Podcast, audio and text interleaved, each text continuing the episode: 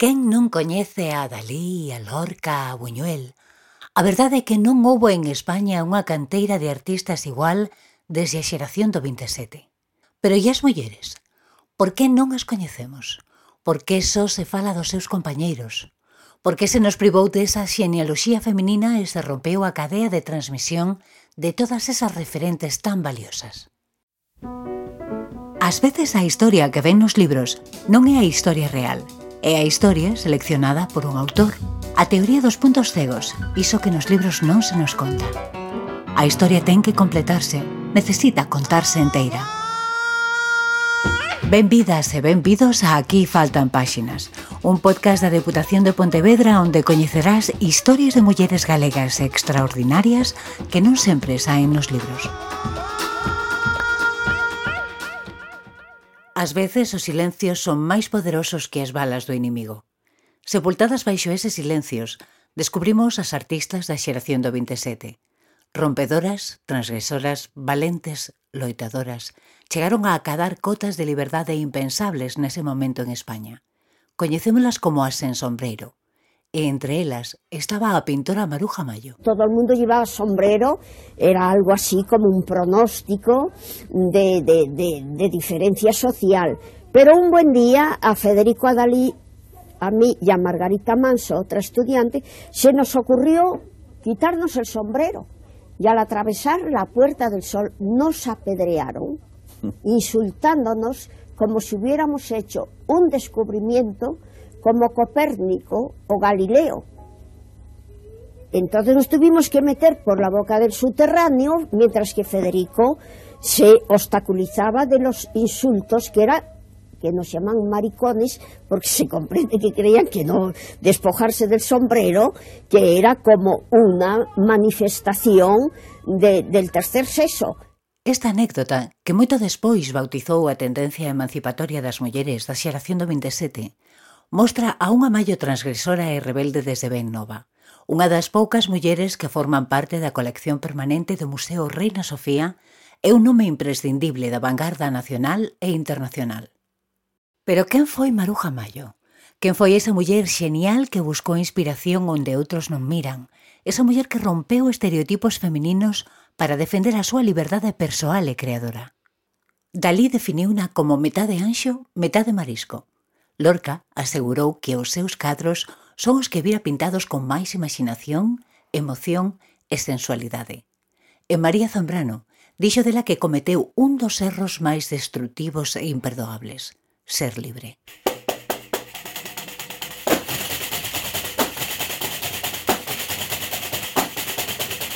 Maruja Mayo é o nome dunha artista cosmopolita construída sobre unha rapaza nacida en Viveiro en 1902. Ana María Manuela Isabel Josefa Gómez e González, filla dun inspector de aduanas madrileño e un ama de casa de Vigo. Tiña 13 irmáns e levaba sempre lápiz e caderno para bosquexar o carbón as imaxes que chamaban a súa atención. Os destinos profesionais do seu pai marcaron unha infancia itinerante. Tui, Berín, Corcubión, Xixón... En Avilés comeza por fin a desenvolver a súa vocación na Escola de Artes e Oficios. En 1922, cando o seu pai resolve por fin o seu traslado a Madrid, a inquieta e talentosa Maruja logra matricularse xunto co seu irmán o escultor Cristino Mayo na Escola de Belas Artes da Academia de San Fernando, onde coñece a Dalí e os seus amigos da residencia de estudantes, Lorca e Buñuel. Que aceptan na súa exclusiva confraría de Perdiz. Coincidí con Salvador Dalí, que como siempre Dalí suspendía, pues lo reducían al primer curso. Y Dalí, al conocerme, pues se entusiasmó de nuestras conversaciones y me trajo a Federico García Lorca, a Buñuel, que eran los residentes más destacados de la residencia de estudiantes.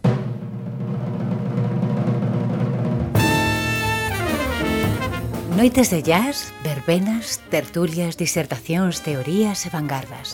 Ese Madrid efervescente dos anos 20 atrapa a Maruja, que participa da intensa actividade cultural que ofrece a capital de España neses anos. Primero estaba la revista de Occidente, pues era representada por la figura trascendental que era Ortega Gasset, donde conocía a Marañón, a Pérez Ayala y otros muchos más. Después estaba Cruz y Raya, también presidida por José Bergamín, donde conocía a Zubiri. El Pombo de Ramón, que era en una callejuela que salía de la calle de, Puerta del Sol, en cuya mesa se sentaron Francia, Alemania y Rusia, o sea, Le Corbusier, el conde de Kaiserly y Stravinsky. Entonces Madrid, España, era Europa, era una ciudad cultural. También estuvo en el año 32 Einstein para disertar sobre la teoría de la relatividad. A pintora galega era a máis moderna dun grupo de mulleres que rachaban coa normalidade na España da Segunda República. Tiña unha personalidade espontánea e provocadora. Empatar era o xeito de afirmar a súa liberdade e tamén de gañar espazo para as mulleres libres. Non era un xogo inocente, eran actos políticos, feministas, conscientes. Frecuenta a Institución Libre de Enseñanza e a Residencia de Estudantes, xunto a Dalí, Lorca, Buñuel e Alberti, con quen mantivo unha actividade creativa e unha conexión sentimental e intelectual moi importante. Foi ela, de feito, quen o introduciu no surrealismo. Xuntos realizaron as ilustracións de Yo era un tonto e lo que he visto me ha hecho dos tontos. Amou e foi amada tamén por Miguel Hernández, e foi para él el rayo que no cesa. Mayo influiu na obra de todo aquel grupo de intelectuais que estaban absolutamente fascinados por ela. En 1927, durante unha estancia en Tenerife, pintou algunhas das súas primeiras obras conservadas como a popular Muller da Cabra. Nesas obras asoma xa un incipiente surrealismo, xoga cun clima de aparente verbena e prodiga entusiasmo e optimismo. É a época na que Ramón Gómez de la Serna se transforma nun dos seus devotos, en a que Ortega y Gasset o pope da intelectualidade madrileña e ofrece de forma excepcional os salóns da Revista de Occidente para facer a súa primeira exposición. Era yo estudiante cando Ortega y Gasset conoció mis verbenas y dijo, la revista Occidente jamás ha hecho una exposición, pero tratándose de un caso extraordinario y tan original, hará una exposición de esta pintora. Fue mi primera exposición y la única que realizó dicha revista. Alí exhibirá as súas estampas e as súas verbenas inspiradas en raíces populares, pero moi en sintonía coas últimas tendencias dos movimentos vanguardistas. Nas verbenas Mayo retrata co seu ollo crítico e orixinal en clave de festas populares todos os elementos da sociedade da súa época. Nas estampas aparecen o cinema, as máquinas, os maniquís e outros elementos de modernidade representados baixo a súa persoal mirada. É unha etapa pletórica de vitalidade, de luz e de cor. E para mí Canarias foi algo sobrenatural por el color y se merecían bien el título de las Islas Afortunadas. Entonces esa coloración a mí me fascinó y cuando volví a Madrid que me introdujo en las verbenas, en esas verbenas cósmicas donde todos los movimientos eran rotativos, como la noria, el carrusel, los volantes, para mí era un mundo mágico y anónimo que no estaba firmado, pero que eran creadores. Arredor do ano 1929, intégrase na Escola de Vallecas con Alberto Sánchez, Benjamín Palencia e Miguel Hernández. Dan paseos polos arrabaldes de Madrid e froito desa experiencia a súa pintura inicia un brusco cambio que se concretará na serie Cloacas e Campanarios, o seu momento máis claramente surrealista. Como presaxio dos malos tempos que virán, a luz e a vida desaparecen, dando paso á escuridade e á morte. En Cercedilla retrátase entre vías do tren, ruínas e osamentas de boi. Nos lenzos aparecen agora a terra, os excrementos e a cinza. Con esta serie triunfará na prestixiosa Galería Pierre Loeb de París. Maruja chega a París en 1932 cunha bolsa da Xunta de Ampliación de Estudos para cursar escenografía. Ali entra en contacto cos surrealistas franceses que aceptan entusiasmados a súa obra de paisaxes dramáticas e ocres pintadas cunha xorda rabia. Con motivo da exposición na Galería Pierre, Jean Cassou, director do Museo de Arte Moderna, dixo dela que estaba tocada por un permanente estado lírico. André Breton compralle o cadro Espantallo, considerado unha das grandes obras do surrealismo. En París coñece tamén a Magritte, Paul Eluard, Marsens, Kandinsky, Picasso, Joan Miró. Alguns galeristas impresionados pola súa obra ofrecenlle un contrato, pero Maruja propón pospoñelo. Non quere perder o momento que vive a España republicana regresa a Madrid en 1933 e comeza a impartir aulas de deseño no Instituto de Arévalo, tamén na residencia de estudantes e na Escola de Cerámica de Madrid, onde deseña unha serie de fantásticos pratos que infelizmente foron destruídos durante a Guerra Civil. Nesta etapa profundiza na proporción áurea e descubre a orde na arquitectura íntima da natureza, esta fascinación polas xeometrías, pasa a dominar o universo pictórico de Maio e reflíctese na serie Arquitecturas Vexetais, Animais e Minerais. O seu apoio á República irá en aumento. Viaxe a Galicia para ver a súa familia con idea de unirse ás misións pedagóxicas, pero a Guerra Civil atravesase no seu camiño.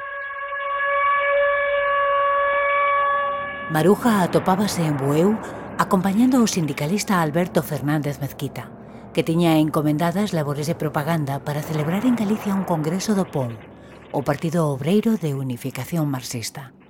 O Congreso non chega a organizarse a causa do golpe militar, pero nesa estancia na Vila Mariñeira, a pintora realiza un traballo moi interesante, unha serie de debuxos que hoxe coñecemos como o Caderno de Bueu. Son representacións iconográficas de mulleres moi potentes e supoñen o inicio dun novo xiro na súa obra, que agora transpira un forte compromiso social e que continuará despois en América coa serie A Religión do Traballo, na que construe os seus cadros arredor dos oficios do campo e o mar. O alzamento de Franco obriga a Maruja a refuxiarse na casa dos seus tíos en Lavadores Vigo. Ali continúa facendo algúns debuxos ata que en decembro de 1936 un oportuno convite para dar unhas conferencias en Bos Aires ofrécelle o pretexto que precisaba para sair de España. Desde Vigo logra atravesar a fronteira portuí e chegar a Lisboa. Alí, Gabriela Mistral, a embaixadora de Chile na capital lusa, facilita a súa saída cara a Bos Aires.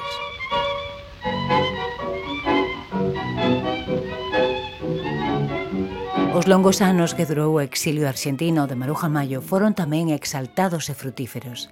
Escribe, pinta, dá conferencias, viaxa e vive con intensidade. Intégrase axiña nos circuitos artísticos e implícase na denuncia do fascismo nacional católico. En agosto de 1938, en plena Guerra Civil Española, remite o diario a La Vanguardia unha longa e demorada denuncia dos crimes que cometeron na Galiza os sublevados de Franco. Publícanse catro artigos, nos que relata a ferocidade, a persecución, a dor e a morte, do que ela describe como a era do terror. Con Seoane Blanco Amor colabora como escenógrafa na cantata na tumba de García Lorca de Alfonso Reyes. Tamén crea o gran mural da entrada do cine Los Ángeles de Bos Aires, no que plasmou o seu universo de danzantes e inspiracións marítimas. América fascina a Maruja coa súa exuberante natureza e a súa mestura de razas e culturas. En 1941 viaxa á costa do Pacífico chileno, onde pinta o núcleo central das súas naturezas vivas. Buguinas, algas, estrelas mariñas, medusas e caranguexos uns enriba dos outros, que Gómez de la Serna definiu como peinetas do fondo do mar. Suxestivos acios de uvas aparecen suspendidos sobre a praia. Son bodegóns en clave de modernidade cunha cor limpa e luminosa baixo unha estudada estrutura xeométrica tamén se interesa polos rituais das sociedades indíxenas americanas e desa investigación xurde a serie Máscaras. A racialidade tamén vai estar moi presente na súa serie Cabezas. Bustos de fronte e perfil de diferentes razas cos que Mayo reinventa a arte do retrato, anunciando o pop art. Unha das súas cabezas de negra que sintetiza indixenismo e modernismo obtén en 1949 o primeiro premio da Exposición de Nova York. Tras case 30 anos de exilio, Maruja regresa a España en 1965, fuxindo do peronismo. O panorama que se atopa en Madrid non é moi alentador. Os amigos estaban enterrados ou desterrados e as galerías cheas de pinturas do estilo informalista que caracterizou a época franquista. Lo veo todo igual, nada cambiado en el ambiente. Dedícase a crear litografías cos seus debuxos publicados nas portadas da revista de Occidente eleva unha existencia discreta ata que chega a democracia. Será entón cando a pintora volva a participar activamente na vida cultural española da transición. Con case 80 anos volve pintar. Esta vez será un fantástico cosmos. É a súa serie Os Moradores do Valeiro ou Os Viaxeiros do Éter, unha homenaxe á quinta dimensión na que mostra símbolos, naves espaciais ou novas constelacións que ela mesma inventaba e bautizaba con nomes como Agol, Xeonauta ou Selvatro. Maluja volve ser recoñecida en España e reivindicada pola intelectualidade da movida.